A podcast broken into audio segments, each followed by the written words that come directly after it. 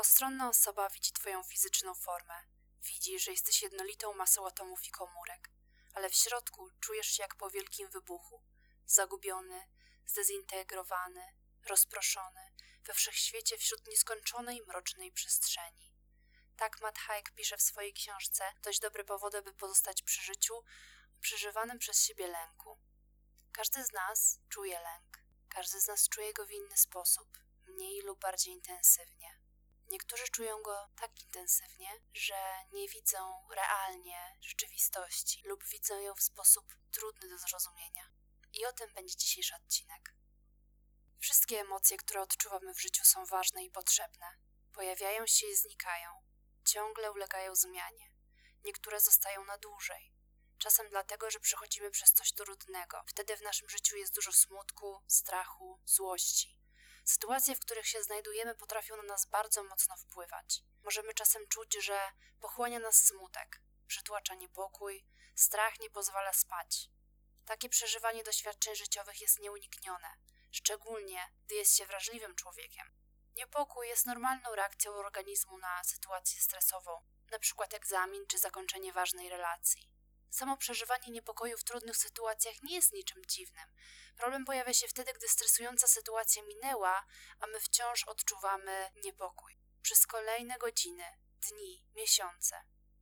Lub wtedy, gdy mamy do czynienia z prostymi czynnościami dnia codziennego, a odczuwamy silny lęk. Zdarza się tak, że dana osoba odczuwa niepokój nieustannie, ciągle, bez przerwy. Kiedy lęk nie jest normalny? Kiedy w paraliżujący sposób wpływa na życie jednostki, osłabia jakość życia czy ogranicza codzienne funkcjonowanie. Może to świadczyć o występowaniu zaburzeń lękowych, różnego rodzaju nerwic, i w takich sytuacjach naprawdę warto pójść do psychologa lub psychiatry. Nie wierzyć głosowi w głowie, który mówi, że wymyślasz, że nic ci nie jest, że masz wszystko, nie powinieneś mieć problemów ze sobą, że sobie poradzisz, sam. Znam te głosy. Wiem, jaką szkodę potrafią narobić. Jeżeli jest ci ciężko, bo odczuwasz silny lęk na co dzień, który utrudnia ci funkcjonowanie, zrozum, że jest dla ciebie pomoc, a chroniczny stan lęku jest zaburzeniem, które można leczyć. Jeżeli nie chcesz żyć w taki sposób dłużej, to nie zwlekaj, daj sobie pomóc. Jest mnóstwo ludzi takich jak ty, którzy przechodzą przez to samo. W twoim mieście, kraju, na świecie. Dzięki psychologom i psychiatrom można wyzdrowieć. Ja tym odcinkiem podcastu nie pomogę osobie zmagającej się z chronicznym niepokojem uwolnić się od tego. Myślę, że to jest za mało. Ja mogę tylko podzielić się moimi obserwacjami, które pomogły mi, gdy w moim życiu rządził niepokój.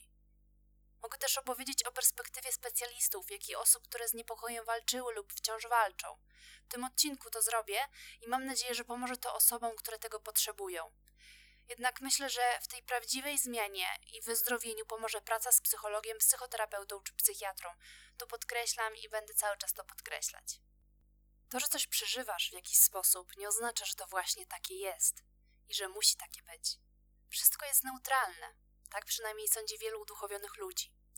Ja się po części z tym zgadzam, po części może nie, ale myślę, że generalna zasada, że to my nadajemy znaczenie tym wszystkim wydarzeniom w naszym życiu, to właściwie tak jest, bo my to znaczenie może nawet czasami wyolbrzymiamy, może czasem umniejszamy czemuś.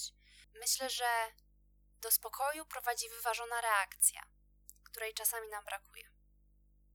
Po drugie, uważne dbanie o siebie poprzez dostrzeganie swoich potrzeb i uczuć. Kiedy to dostrzegamy i rozumiemy, to możemy adekwatnie zareagować i na przykład pozwolić sobie na relaks, kiedy jesteśmy zmęczeni pracą.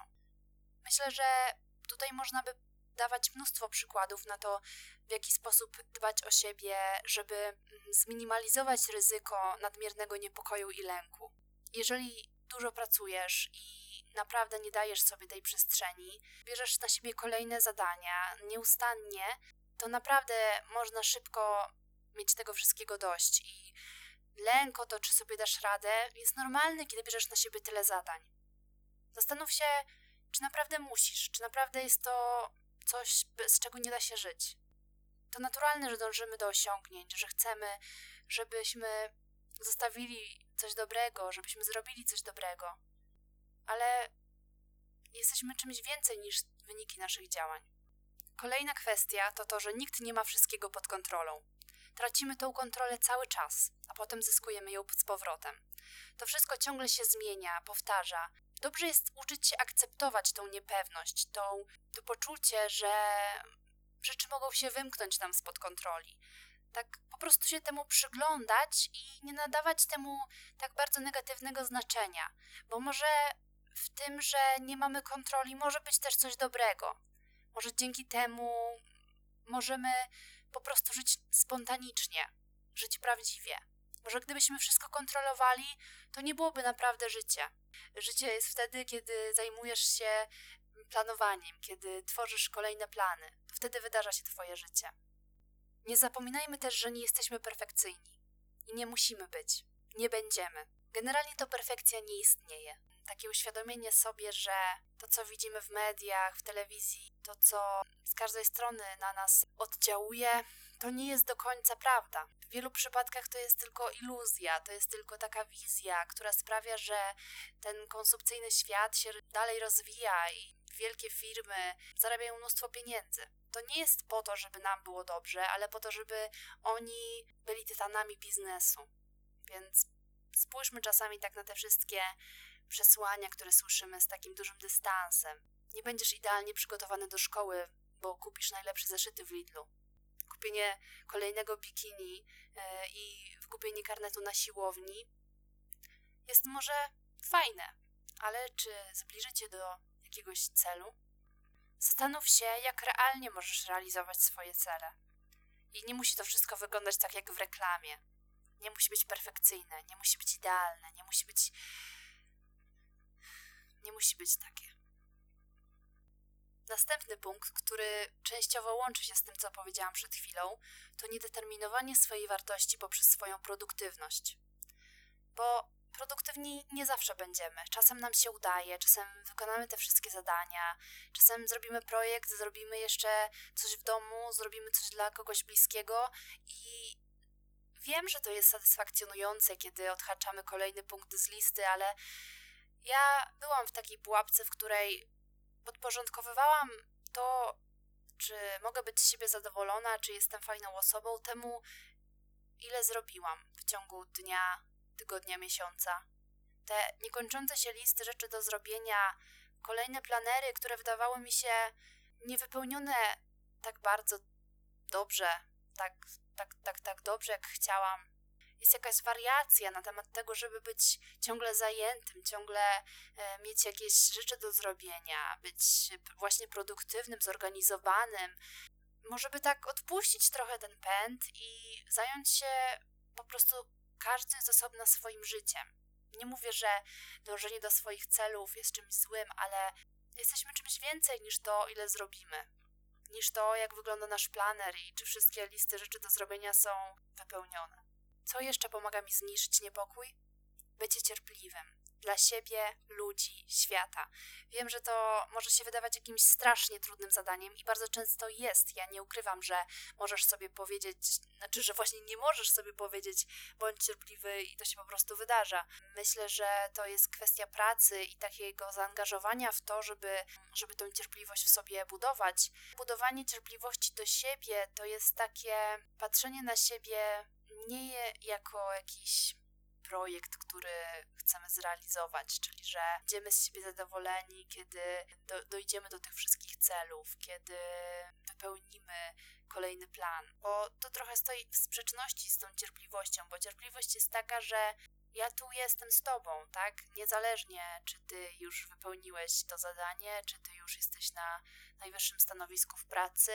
Jestem cierpliwa, bo po prostu codziennie robię z tobą te wszystkie rzeczy, w sensie z samą sobą i, i, być może to w końcu stanie się faktem, że zdobędziesz tą wymarzoną pracę czy to stanowisko, ale jestem cierpliwa i doceniam każdy, każdy dzień, który, w którym angażuję się w ważne dla siebie rzeczy i myślę, że takie mm, też e, bycie uważnym no jest właściwie bardzo związane z cierpliwością, bo kiedy uważnie podchodzisz do każdego dnia, do każdej czynności, którą robisz, to nie masz też takiego ciągłego biegu za czymś i takiej właśnie nie, nie, pojawia się tak często taka niecierpliwość, taka, takie gnanie do przodu, po to tylko, żeby coś się w końcu zmieniło. Myślę, że tak samo do ludzi, do innych ludzi, kiedy jesteśmy w relacjach z rodziną, często oczekujemy, że oni coś szybko zrozumieją, że zaczną myśleć w inny sposób, że zaczną nam lepiej pomagać, inaczej z nami rozmawiać, a cierpliwość jest po to, żeby pogodzić się z tym, że być może zajmie im to dużo czasu i trudno jest, żeby te zmiany nastąpiły od razu, kiedy tylko sobie o tym o to poprosimy. Tak samo my sami też nie, nie spełnimy wszystkich oczekiwań, czy, czy nie wypełnimy tych wszystkich planów od razu, więc i dla siebie miej cierpliwość i cierpliwość dla innych. Dla świata to mam na myśli takie Hmm, no też to jest trudny temat, bo to też zależy od tego, jak odbierasz świat, ale ja czasami mam takie poczucie, że strasznie dużo się dzieje i ja już nie mam cierpliwości do tego, co się dzieje. I myślę, że mieć cierpliwość to po prostu patrzeć na to yy, i w jakiś sposób nie ulegać takiej. Presji, że to wszystko powinno jakoś inaczej wyglądać. Też punkt widzenia zależy od punktu siedzenia, więc jeżeli skupisz się na tym, co jest dobre, co jest, e, co się powoli zmienia, a nie tylko będziesz patrzeć na to, że ludzie niszczą środowisko i będziesz czuł niecierpliwość z powodu tego, że dlaczego oni szybciej szybciej nie wprowadzą jakichś zmian, żeby to środowisko było zadbane, żeby pojawiły się jakieś znaczące właśnie, e, znaczące, znacząca poprawa. I cierpliwość polega na tym, że dajesz temu wszystkiemu czas, że nie jesteś ciągle zniecierpliwiony i zły, bo to się nie wydarza, bo dalej pewnie ludzie nie mają praw, są źle traktowani, środowisko jest zaniedbywane. I ja myślę, że to tak, tak jak mówiłam, punkt widzenia jest ważny i, i cierpliwość, żeby być cierpliwym, trzeba mieć też dobry punkt widzenia na rzeczywistość. Kolejna kwestia. Bycie wrażliwym człowiekiem jest ok. Nie musisz udawać, że masz wszystko w poważaniu i mieć na wszystko dystans. To, że coś przeżywasz, to, to że czujesz, jest normalne. Owszem, czasem emocje za bardzo dają górę, ale lepsze to niż bycie całkowicie wyjałowionym z tych emocji, z uczuć. I myślę, że to jest naturalne, że jako ludzie przeżywamy pewne rzeczy, że, że się emocjonalnie do czegoś odnosimy. To jest też takie wyróżniające nas racjonalne jest to, żeby, żeby też nie ulegać temu nadmiernie, żeby się e, powstrzymywać od jakiejś takiej ekspresji od razu, bo jeżeli byśmy, jeżeli byłoby tak, że jesteśmy tak impulsywni, że jak czujemy złość, to od razu lecimy kogoś bić, e, no to to nie byłoby, to nie byłby zdrowy świat, gdyby większość ludzi tak funkcjonowała. Tak samo jeżeli czujemy do kogoś miłość, to nie, nie lecimy od razu, żeby go wycałować, bo to się może źle skończyć, tak? I z relacji mogą być nici, no. Także yy, myślę, że sytuacje takie, w których za bardzo ulegamy emocjom, yy, mogą być też dla nas bardzo yy, niekorzystne. No ale na pewno się zdarzają i, i warto nad tym pracować, zauważyć, dostrzec. No ale tak jak mówię, trudniej chyba jest wtedy, kiedy ktoś w ogóle nie czuje emocji, kiedy ktoś czuje pustkę.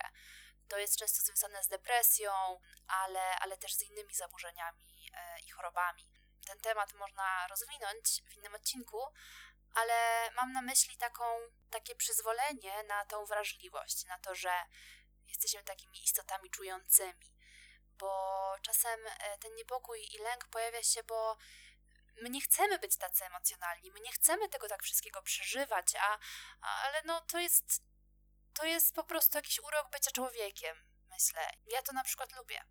Nie chciałabym tego stracić przedostatnia wskazówka ode mnie, to że warto zaobserwować, na czym nam w życiu zależy najbardziej. A po co? Po to, żeby sprawdzić, czy nasz lęk nie jest związany z tą daną rzeczą, na której nam najbardziej zależy.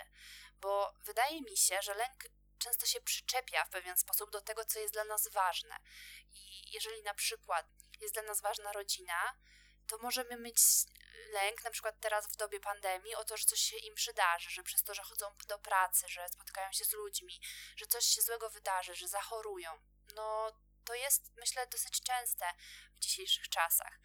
E, I myślę sobie, że, że właśnie ten lęk się do tego przyczepia, bo to jest jakby dla nas ważne, jest dla nas dla nas e, priorytetowe. Uświadomienie sobie tego może nie zlikwiduje tego lęku całkowicie, ale pozwoli zdystansować się od tego w pewien sposób i pozwoli spojrzeć na to inaczej. Jeszcze ostatnia rzecz ode mnie, mianowicie y, jak z tym lękiem y, sobie lepiej radzić, jak z nim na co dzień wytrzymywać.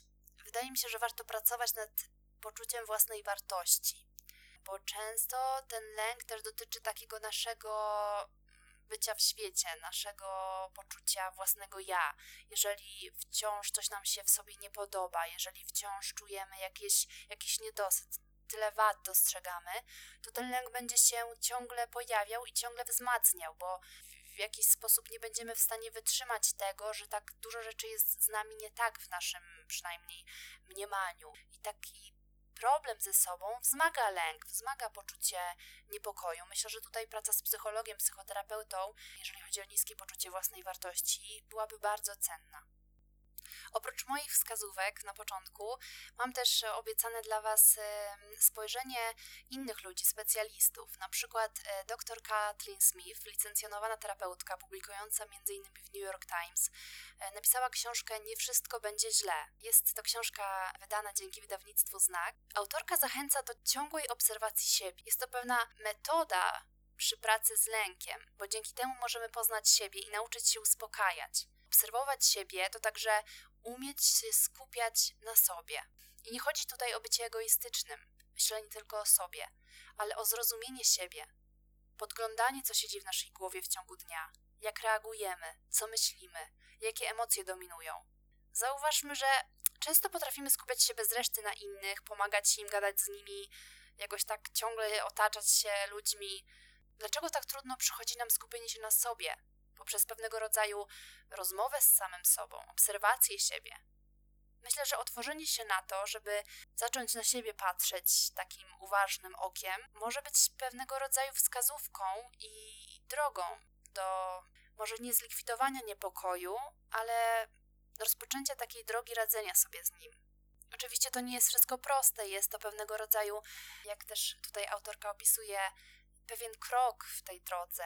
Otworzenie się na to, żeby obserwować siebie, żeby zauważać to, co się dzieje w mojej głowie, pozwala trochę zdemaskować to, w jaki sposób reagujemy, w jaki sposób przeżywamy świat. I w efekcie, oczywiście musi to być długotrwała praca i czas na to poświęcony, ale w efekcie możemy osiągnąć zmianę i możemy poczuć ten zmniejszający się lęk. Natomiast psycholog, doktor habilitowana Małgorzata Gambin z Uniwersytetu Warszawskiego mówi, że aby poziom lęku i stresu był niższy, warto spróbować technik relaksacyjnych, ćwiczeń uważności, np. mindfulness, aktywności fizycznej.